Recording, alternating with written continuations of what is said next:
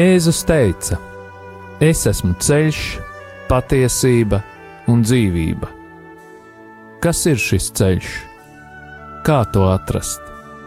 Par to raidījumā Ceļš pie viņa.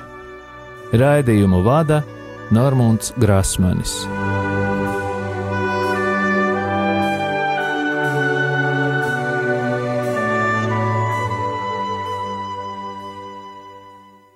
Lai ir slavēts Jēzus Kristus, un tā ēterā raidījums ceļš pie viņa.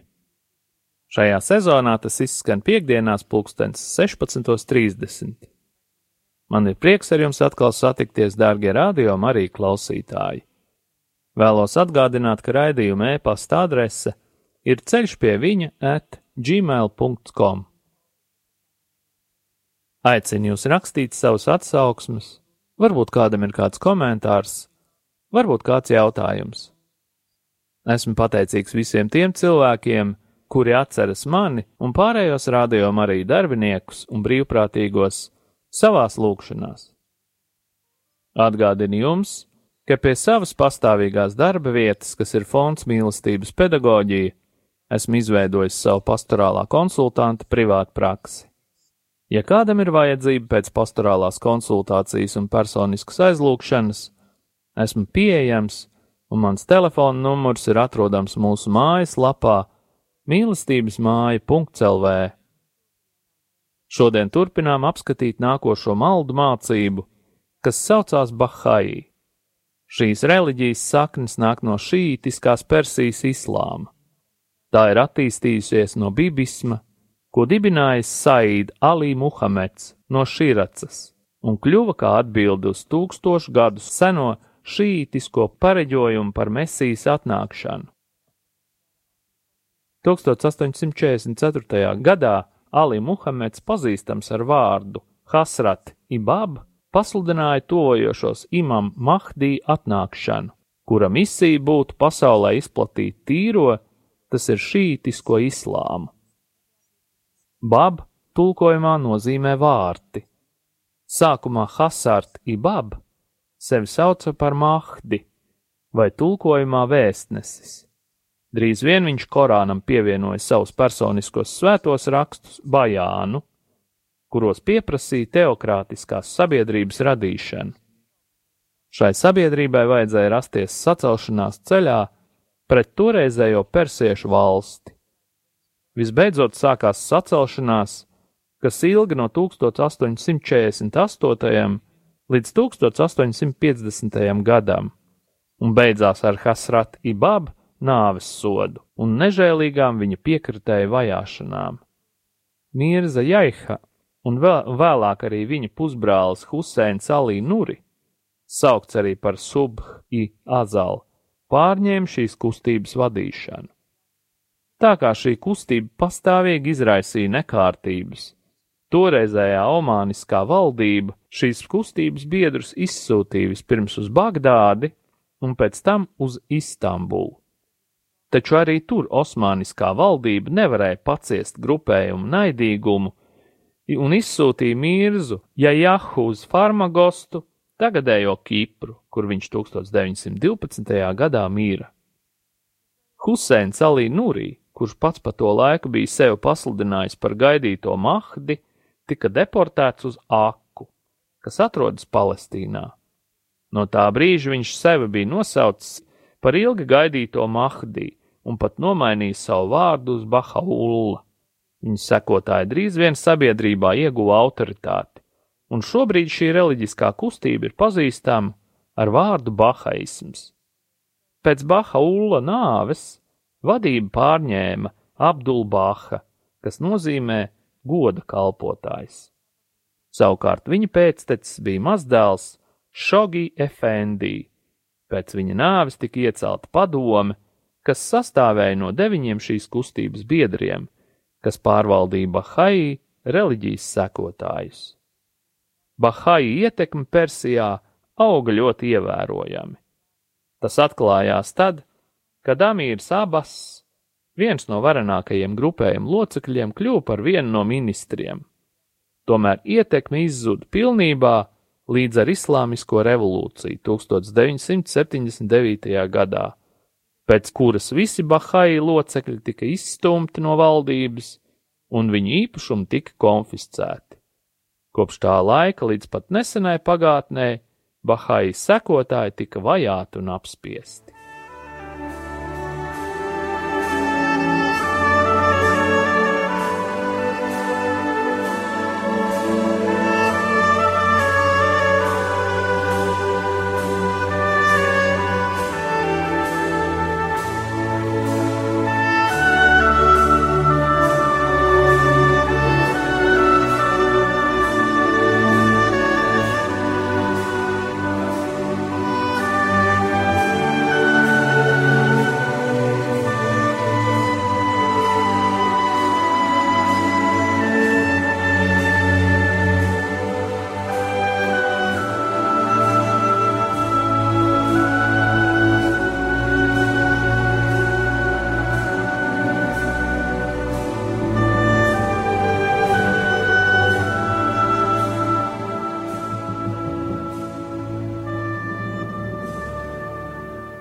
No šītiskā islāma reliģijas mesijas gaidīšanas Bahāismā ir pārveidota par mesijas gaidīšanu visas pasaules mērogā. Viņš papildinās un pilnveidos visas pasaules reliģijas. Bahāismā tāpat kā islāmā dievs tiek uzskatīts par pilnīgu un transcendentu. Tāpat no islāma tika pārņemta ideja par dieva atklāšanos caur praviešiem. Jēzus tiek uzskatīts par vienu no praviešiem, tāpat kā tas ir islāmā. Dievs vēsturē atklājās cikliskā secībā, un visas reliģijas nāk no viņa gribas. Līdz ar to neviena no reliģijām nedrīkst pieprasīt pārākumu pār citām. Vienlaikus bahaisms māca arī, ka Dievs nevēlas vienlaicīgi dažādu reliģiju pastāvēšanu, tāpēc visa piepildījums ir atrodams bahaismā. Bahaullah Svarīgākās atklāsmes ir ietvertas svētajā grāmatā Kitab al-Akdas. Tā satur likumu, kas ir saskaņā ar bahaismu uzskatiem un aizstāja islāmisko likumu - šariātu. Raksturīgākās īpatnības ir divsievības atļaušana, zagļu apzīmogošana, tiesības atņemt neticīgajiem viņu mantojumu, kā arī nāves sots. Šie nedaudzie punkti skaidri parāda, ka bahaisma izplatīšanās mūsdienās ir grūti saprotama. Šīs bahaisma likumu grāmatas tulkojumi ir grūti dabūt, jo šis tulkojums nav oficiāli apstiprināts. Līdz šim vienīgo Eldara un Millera tulkojumu Bahai sekotāji noraida, kā kristiešu viltojumu. Galvenie priekšstati ir salīdzināmi ar pieciem islāma pīlāriem - ticības apliecinājums, lūkšana, gavēnis, žēlsirdības darbi, svētceļojums. Tomēr ir tikai trīs noteiktie lūkšana laiki. Interesanti, ka vieta, ka par svētceļojumu vietām tiek uzskatītas Haifa un Aka, vietas, kur dzīvoja Bahaulla. Vadošās padomas locekļi būs nākamās pasaules, kurā valdīs dievs pārvaldnieki. Visi likumi, kā tas tiek sagaidīts, tiks strikti saglabāti, to pārkāpšana tiek sodīta ar izslēgšanu no kopienas. Katrā zemē ir sava garīgā padome, par kuru ir atbildīga pasaules garīgā padome, par kuru savukārt ir atbildīgs tikai Dievs. Locekļa vai garīgās padomas pienākumu nepildīšana novest pie zemes bojāējas. Bahai vēlas pārveidot visas pasaules valdības vienā teokrātiskā valdībā Ja cilvēce nepieņems Bahaullah, sekos pasaules bojāēja. Kustības mērķis ir apvienot visas pasaules tautas vienā dieva pārvaldītā lielvalstī. Visu ticīgo pirmais pienākums ir misionēšana. Misionēšana ir Bahai svarīgākais uzdevums pēc valdības pārveidošanas. Viņu sauklis skan: viens dievs, viena reliģija, viena cilvēce, viena valdība. Bahājas sekotājs nevar būt arī kādas citas reliģijas piekritējs. Ja viņš vai viņa aprecis ar neticīgo, Bērniem no šī pāri jātiek audzinātam kā Bahai sekotājiem. Lai iesaistītos Bahaismā, pretendentam ir tikai jāapliecina, ka viņš tic Bahaullah un būs paklausīgs organizācijai. Bahaismā nav garīdznieku. Pasaulē ir 3 miljoni locekļi, no kuriem 10% dzīvo Irānā, kur ir meklējuma kustības iesākumi. Ievērojams daudzums biedru ir arī Āzijā, Āfrikā un Dienvidamerikā. Indijā lielākoties kustība ir izplatīta biznesmeņu vidū. Eiropā un ASV locekļu skaits ir daudz mazāks, taču arī šeit angļu un vācu locekļi cenšas īstenot misijas uz Austrumu Eiropu, sūtot komandas, kas nesen izveidojušās rietumos. Bahai ir aizliegts visās islāmiskajās valstīs.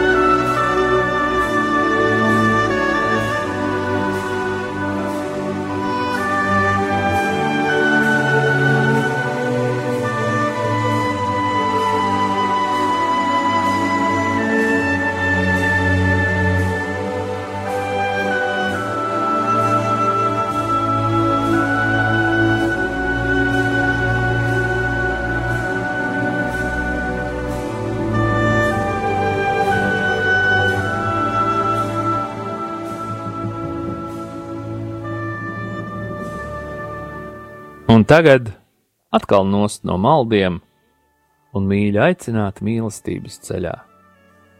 Pagājušā reizē mēs lūdzām par grēku apzināšanos, un pēc šādas garīgās pieredzes mēs varam turpināt uzdot jautājumus. Vai tu patiešām gribi sastapt Dievu? Varbūt ir pienācis laiks pārdomāt dažus jautājumus Varbūt varam izmantot tos blociņus, kurus iespējams esat sagatavojuši. Tātad, kas tevi pamudināja klausīties šo raidījumu? Ko tu gaidi no šiem raidījumiem? Ko tu patiesībā meklē? Vai tiešām esi te klātesošs? Vai tev Dievs eksistē? Vai tici, ka Dievs ir? Ir jāsaprot, ka to, vai Dievs ir, nav iespējams zināt. To, vai tevi kāds mīl, nekad nav iespējams zināt. Tu vari vienīgi tam ticēt. Dievs ir mīlestība, tāpēc viņam var vienīgi ticēt. Turpretī zināšanas ir saistītas ar prātu. Tāpēc mums ir dotas dažādas zinātnes, kas strādā ar dabas likumiem. Tātad, vai tu spēj ticēt, ka Dievs ir, vai arī tu tici, ka viņa nav? Kad tev kāds sniedz roku, tu tādējādi saņem zīmi, jeb apliecinājumu tam, ka tu viņam esi tīkams. Ja pilsētas burzmā tevi kāds sveicina, tu droši vien vari teikt: Tas ir mans draugs.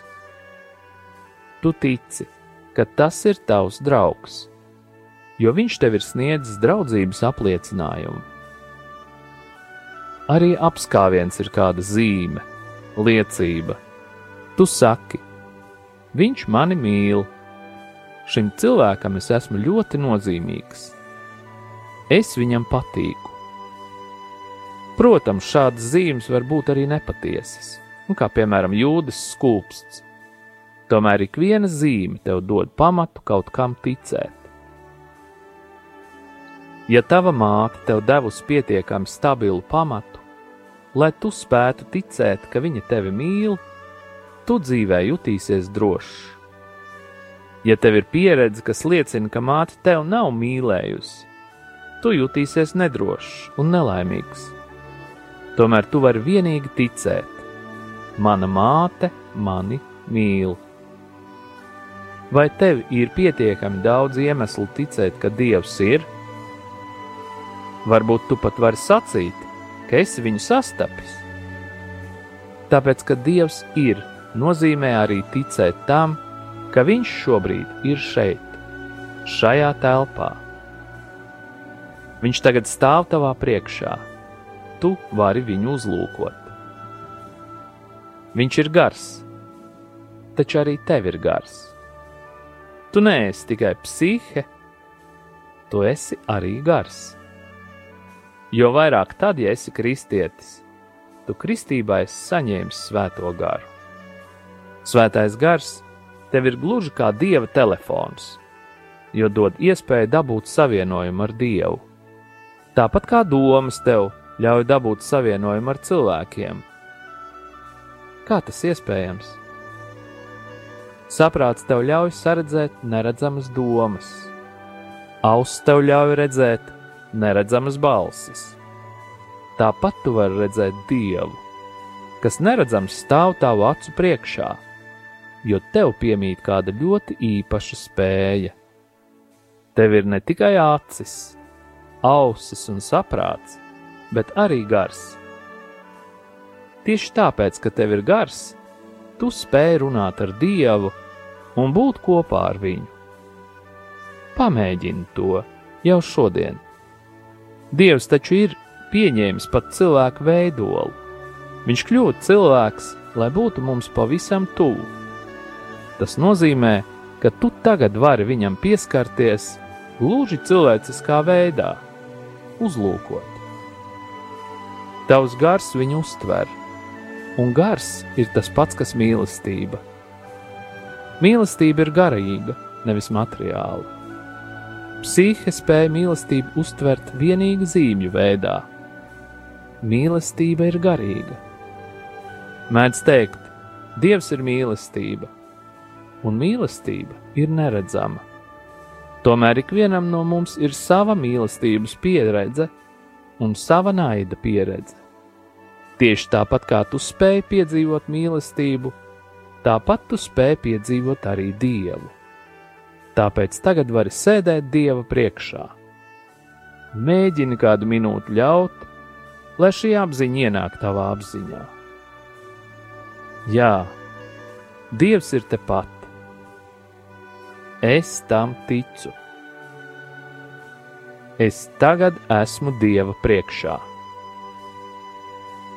Mēģini viņam pateikt, tu, vismaz šo tu Dievs, tu esi te. Tu, kas esi mani radījis, tu, no kura manā dzīvē ir atkarīgs itin viss. Tu esi te, manā priekšā.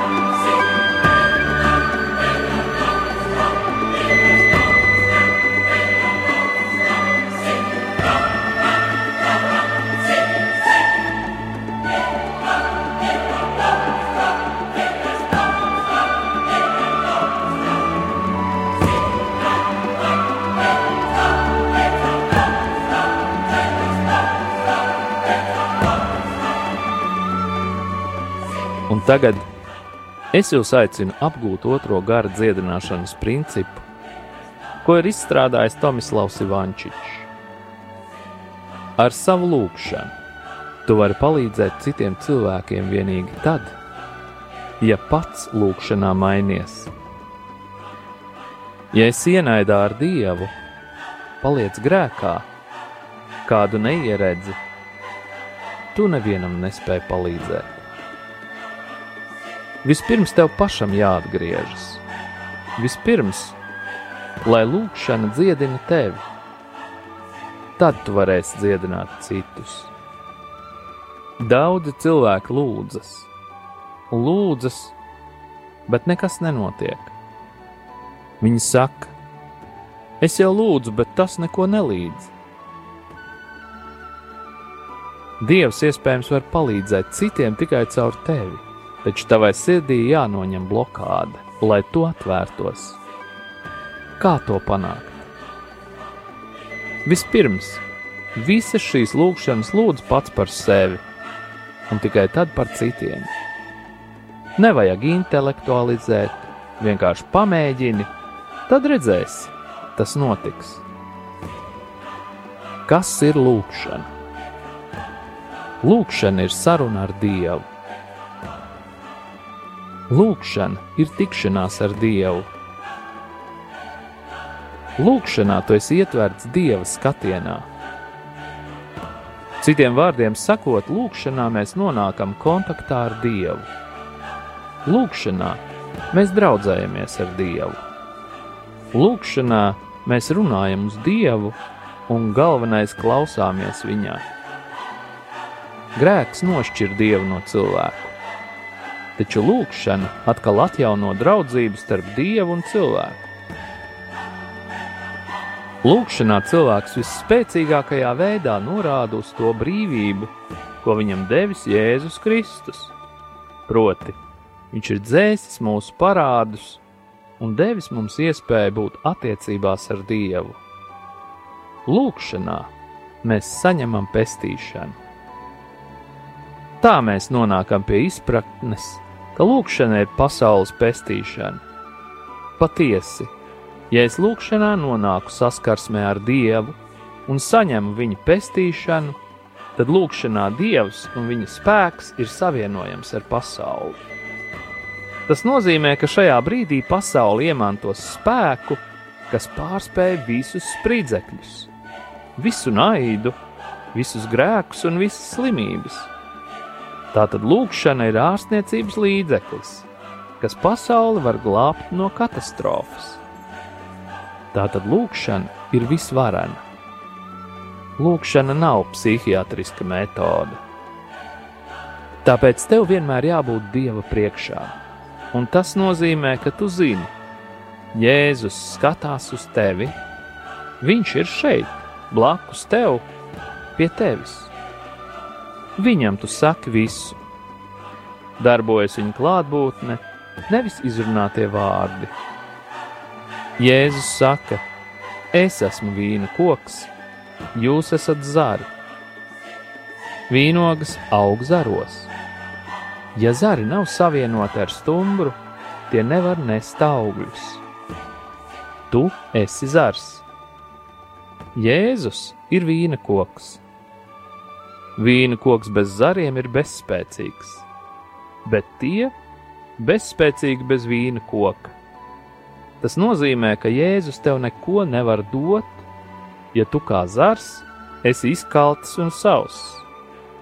Ja esi garīgi slims, ja patiešām esi bloķēts, ja sula no vīna koka stumbra tevī kā zarā nevar ieplūst, tu paliec bez augļiem. Ja esi īstenībā caurlaidīgs zars, arī citi cilvēki neko no tevis nesaņems. Citiem vajag vīnogas, un tās var izaugt pie tevis. Tas nozīmē, Jēzus nevienu nevar atgūt bez tevis. Darīt brīnums nozīmē grēcinieku pārvērst svētajā, izmainīt cilvēku sirdi, lai viņš atgrieztos. Kristietis dara brīnumus. Tas ir pilnīgi normāli. Saņemt svēto garu nozīmē izmantot viņa spēku, lai uzvarētu grēku, un kas ir pirmais solis - saraut savus saites ar grēku un ļaunumu. Ik viens var saņemt svēto garu. Lai tā notiktu, vajag ticību Dieva vārdam, personiski pieņemtu lēmumu un lūgšanu. Ja mēs paši pastāvīgi pēc tā lūdzam, un par mums lūdzas arī citi, arī mēs saņemsim svēto garu. Ticēt nozīmē atvērties Dieva žēlastībai un Viņa klātbūtnei. Ticība rodas, kad Dieva vārdu, kas mums pasludināts, mēs pieņemam kā patiesību. Komuniju mēs varam saņemt tikai ticībā. Ja atraidām Dieva vārdu, nevaram Jēzu Kristu pieņemt arī maizē. Jēzus tevī var dzīvot tikai tad, ja viņa vārds ir tevī. Kas mani mīl, tas manu vārdu turēs, un arī mans tēvs to mīlēs, un mēs nāksim un taisīsim pie viņa māju vietu bet ik viens, kas šos manus vārdus dzird un nedara, ir līdzināms nejēgam, kas savu namu būvējis uz smiltīm. Tu sāksi dzīvot, kad sāksi lūgt. Kur cilvēki lūdzas, tur mājo svētais gars. Un tagad pieņem lēmumu, vai tu patiešām gribi piedzimt no jauna. Un tagad vienkārši pateicies Dievam, ka tu drīkst ieiet viņu valstībā. Tēvs, tagad tu vari mani no jauna laist pasaulē un dzemdināt, dzemdināt no mūsu kristības baznīcā. Nāc, piepildi mani ar savu spēku, lai es kļūstu acīm redzams ticīgais, redzama baznīca un redzama Kristus miesa, lai Jēzus pasaulē patiesi būtu redzams un iespaidīgs. Es tev pateicos, Tēvs, par tavu garu un par tavu dēlu. Es tev pateicos, ka tu šajā laikā dzemdini tik daudzus cilvēkus. Svētī mūs tagad, lai tavs miers nāk pār mums, lai tava roka ir pār mums. Jēzu, tagad ir tavs laiks! dari mūs jaunus. Pieskaries mūsu sirdīm, mūsu prātiem, mūsu gribai, mūsu iztēlē. Pieskaries mums katram viscaur, rādi caur mums jaunu zemi, jaunu pasauli. Mēs esam gatavi būt par taviem bērniem, lai pieaugtu tavā spēkā. Un tagad saņemiet pāvesta Franciska svētību. Kungs Jēzus Kristus, lai ir pār mums, lai mūs svētītu, lai ir pie mums, lai mūs pavadītu, un lai ir ar jums un mums, lai mūs aizsargātu. Lai mūs svētī Dievs Tēvs un Dēls un Svētais Gars, lai asinis un ūdens, kas izplūda no Jēzus Kristus sirds, izplūst pār mums un lai šķīstī, atbrīvo un dziedina. Saņemiet svēto garu, Dieva tēva un dēla un svētā gara vārdā Āmen!